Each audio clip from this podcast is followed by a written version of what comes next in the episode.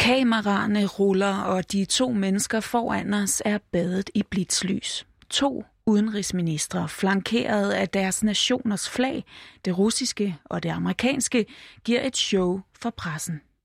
In anticipation of uh, this important meeting and our, our time here together, I wanted to uh, present you with uh, a little gift which represents what President Obama and Vice President Biden and I have been saying.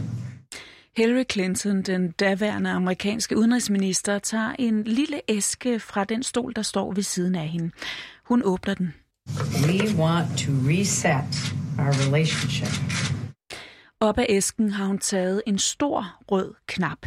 Det ligner sådan en af dem der, man øh, altid har lyst til at trykke på, men aldrig må. Hun rækker den til den russiske udenrigsminister Sergej Lavrov. Let's do it. Let's do it together. So we will do it together, okay? Efter de til pressens store glæde har trykket på den her knap sammen, kigger Lavrov lige lidt nærmere på knappen, hvor der står noget på russisk og på engelsk. we worked hard to get the right Russian word. You think we got it? You get it wrong. I got it wrong. It should be перезагрузка. And this says uh, перегрузка, which means overcharged. Genstart er blevet til overbelastet, og nu bliver stemningen lidt akavet, og Hillary Clinton griber let fat i Lavrovs underarm. well, we won't let you do that to us. I, I promise. Okay. Lavrov trækker sig lidt tilbage. Thank you very much. Thank you so very kind much. of you. Would be on my desk. well, we uh, we mean it, and we look forward to it. Og her bliver man lidt i tvivl, mener hun genstarten eller overbelastningen?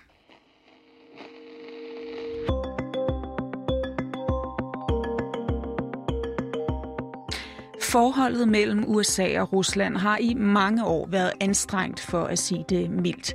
Og den her ret øh, tokrummende scene, som jeg lige har beskrevet for dig, er da også 12 år gammel. Men den siger meget godt, hvor vi er i dag. For til trods for de fine intentioner om at nulstille eller genstarte forholdet, som man altså prøvede på dengang, så er vi altså mere over i en overbelastning i dag. Faktisk mener Sergej Lavrov, som altså stadig er Ruslands udenrigsminister, at forholdet mellem Rusland og USA nu er værre, end det var under den kolde krig. En øh, ret vild udtalelse, som han kom med så sent som i onsdags.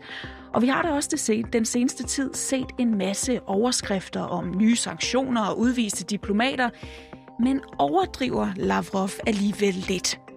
I udsyn i dag ser vi nærmere på hans udtalelse på forholdet mellem USA og Rusland og på argumenterne for, at det er værre nu, end det var under den kolde krig.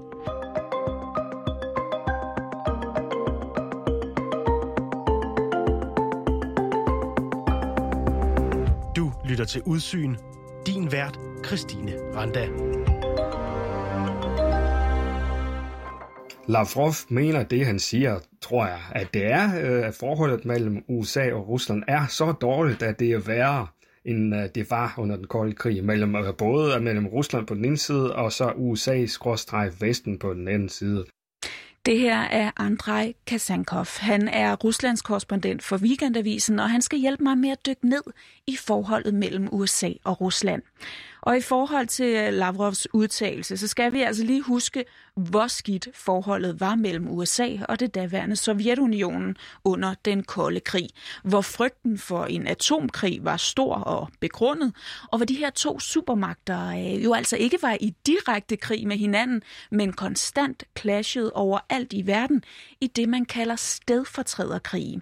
Altså en krig, der foregår i et andet land og imellem nogle andre parter, men hvor supermagterne støtter hver deres part i konflikten, og dermed bliver det i virkeligheden en kamp mellem dem.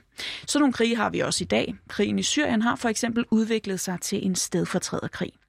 Under den kolde krig, der var det blandt andet Koreakrigen og Vietnamkrigen. Og der var Reagan, der i starten af 80'erne kaldte uh, Sovjetunionen for The Evil Empire, det onde imperium. Så der, det var uh, bestemt ikke godt under den kolde krig. Uh, og når Lavrov han argumenterer for, at det er blevet endnu værre, uh, altså, så er det virkelig dårligt set med hans briller. Man kan godt diskutere, hvorvidt han måske overdriver det sådan for, for at skabe opmærksomhed omkring det her. Men hvis vi lige ser lidt nærmere på det, så er der faktisk en del argumenter for, at Lavrov har ret i sin påstand. Og lad os bare dykke ned i tre af de her argumenter. Argument nummer et. Der er blevet udvist øh, rigtig, rigtig mange diplomater, russiske diplomater fra Vesten og vestlige diplomater fra Rusland i den seneste tid, og der har faktisk været nogle opgørelser, der viser, at der ikke har været udvist så mange diplomater på så kort tid under den kolde krig. Så her er der altså en situation, der er værre nu end under den kolde krig. Og den er desuden også topaktuel, for for et par uger siden var Tjekkiet, en amerikansk allieret gennem NATO, ude at sige, at de efter mange års efterforskning nu mente, at russiske agenter var involveret i en voldsom eksplosion på et våbenlager i Tjekkiet tilbage i 2014.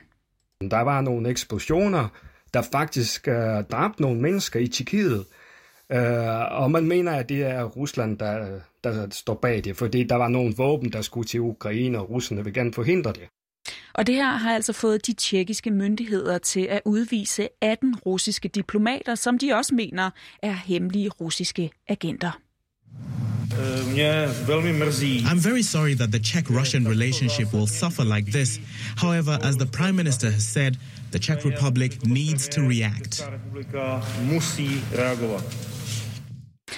Og russerne, de mener, at uh, Tjekkiet gør det her for at plise USA, som øh, få dage for inden selv udviste 10 russiske diplomater fra Washington, og desuden indførte flere sanktioner mod Rusland, fordi USA mener, at Rusland blandt andet står bag hackerangreb og har blandet sig i valg i USA.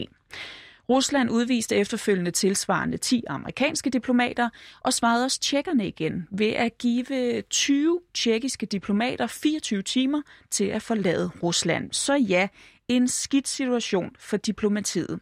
Og apropos, så kommer her argument nummer to for, at forholdet mellem Rusland og USA er værre nu end under den kolde krig. Uh, man kan også se på uh, i forhold til nedrustningsaftaler mellem USA og Rusland. Altså siden man er begyndt at have den slags aftaler, sådan især fra 1970'erne og frem, uh, så har der været sådan nogenlunde styr på det her med uh, det her med den strategiske stabilitet, som det hedder, i forhold til atomvåben og den slags uh, uh, foranstaltninger, der gjorde, at man var mere sikker på, at det ikke vil gå galt på et tidspunkt, da man ikke ender i en atomkrig for eksempel. Og i dag der er det faktisk sådan, at en del af de gamle aftaler fra den kolde krig, det, det, det gælder ikke mere. USA og Rusland har opsagt flere af disse aftaler. Og det kan man jo godt, øh, der kan man jo godt øh, sige, at øh, selv under den kolde krig, der kunne man godt finde ud af at have øh, nogle aftaler til, til at styre den slags ting. Det har man jo ikke mere. Og det glider perfekt over i argument nummer tre, som er, at øh, der bare var mere dialog mellem USA og Rusland under den kolde krig, end der er nu. Hvis man spørger Lavrov og russerne, så vil de sige, at jamen, under den kolde krig, øh, det kan godt være, at vi måske endda øh, havde hinanden et eller andet sted, men der var mere respekt fra USA i forhold til Sovjetunionen. Der var ikke så mange belæringer af, hvad vi skulle gøre i vores indenrigspolitik for eksempel. Og Uh, USA troede ikke uh, os i Moskva så direkte, som USA gør i dag. Og lad os lige bide fast i det. For hvad mener russerne egentlig med det? Jo, det handler blandt andet om NATO-landenes ageren. NATO, den her forsvarsalliance, der blev oprettet blandt andet af USA lige efter 2. verdenskrig, altså i starten af den kolde krig, og som i dag har 30 medlemslande. Lavrov han plejer at pege på, at NATO har haft alle mulige øh, militære kampagner og krige, alt fra Serbien, øh, Kosovo-konflikten der i slutningen af 90'erne, og Irak-krigen selvfølgelig, at det var jo NATO-lande, godt nok ikke NATO som organisation, men det var øh, ret mange NATO-lande, der var med i krigen mod i, i Irak, og Afghanistan, og Libyen, og det mislykkedes, det mislykkedes alle sammen, og det viser bare, at NATO er sådan en uh, farlig organisation, der er pynse på at gå i krig. Og det er jo også sådan, at NATO gennem årene har udvidet deres alliance mod øst. Mange østeuropæiske lande er derfor nu med i den her forsvarsalliance med USA, hvilket jo ikke ligefrem huer russerne. Og så vil NATO jo også gerne udvide, det vil sige, at USA, der står bag NATO i virkeligheden, det er sådan, Rusland ser på det. Det vil også gerne udvide på et tidspunkt med Ukraine og Georgien, og der, der trækker Rusland ligesom øh, grænsen. Det er den røde linje, som øh, Vladimir Putin, øh, Ruslands præsident, har omtalt i hans tale til Føderationsrådet for nylig. Det er sådan det, der svarer til en øh, amerikansk præsidents øh, State of the Union-tale, sådan en henvendelse til nationen mere eller mindre. På den anden side af alt det her står jo så USA og Vesten og øh, ser til, mens øh, Rusland i 2014 annekterede dele af Ukraine og igen for nyligt provokeret ved at sende mere end 100.000 soldater til den ukrainske grænse. A buildup of Russian forces along the border with Ukraine is reportedly setting off alarms for the U.S. and its allies. In the past month, Russia has amassed its largest military presence in the region in nearly seven years. Rusland har trukket de her soldater og tanks og så videre tilbage igen nu. Det var jo bare en øvelse, som de sagde. Men så nogle moves her fra russernes side af huer altså ikke amerikanerne. Og det her er jo langt fra det eneste, som amerikanerne mener, at de kan sætte en finger på i forhold til Ruslands ageren.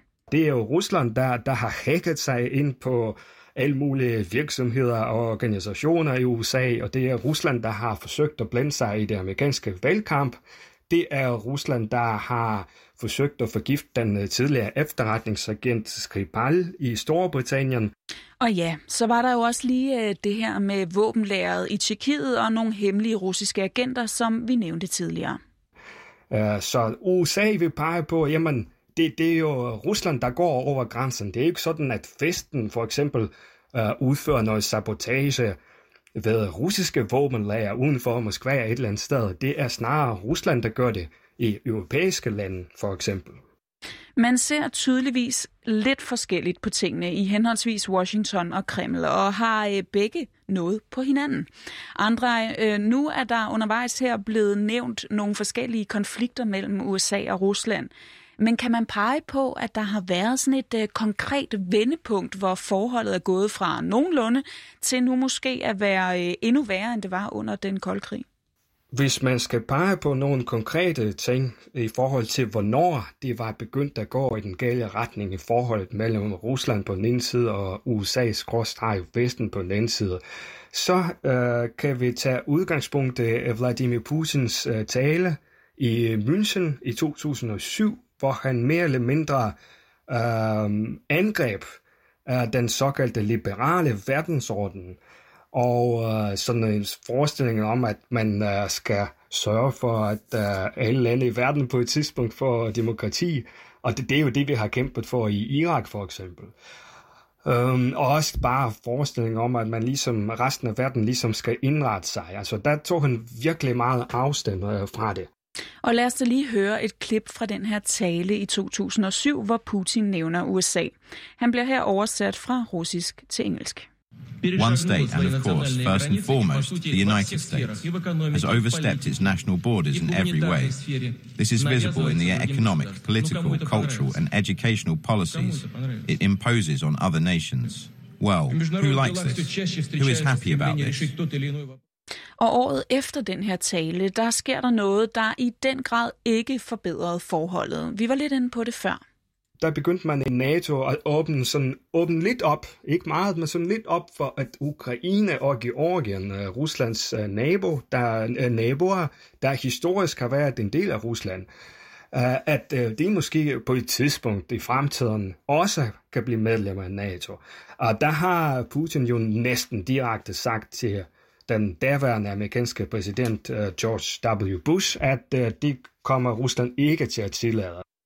Derefter blandede både USA og Rusland sig i en krig i Georgien, og så i 2009 prøvede man jo så at øh, nulstille eller genstarte forholdet med den her tidligere omtalte knap, hvilket måske ikke var så skide vellykket.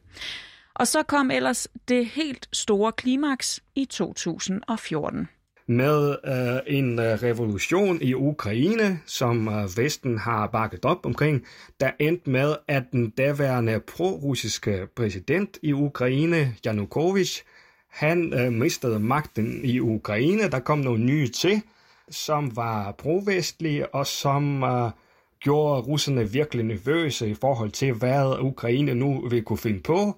Og for at sikre sine interesser, der gik øh, Rusland simpelthen ind, invaderede Ukraine, annekterede øh, halvøen øh, Krim, og sådan set også fremprovokerede krigen i Øst-Ukraine, som vi har den dag i dag. Det er sådan en øh, krig, der er sådan næsten frosset ned, men alligevel ikke helt, for det, det skyder jo stadigvæk på hinanden desværre der i Øst-Ukraine. Og lige siden, der har der været økonomiske sanktioner mod Rusland, og de er blandt andet også blevet smidt ud af G8.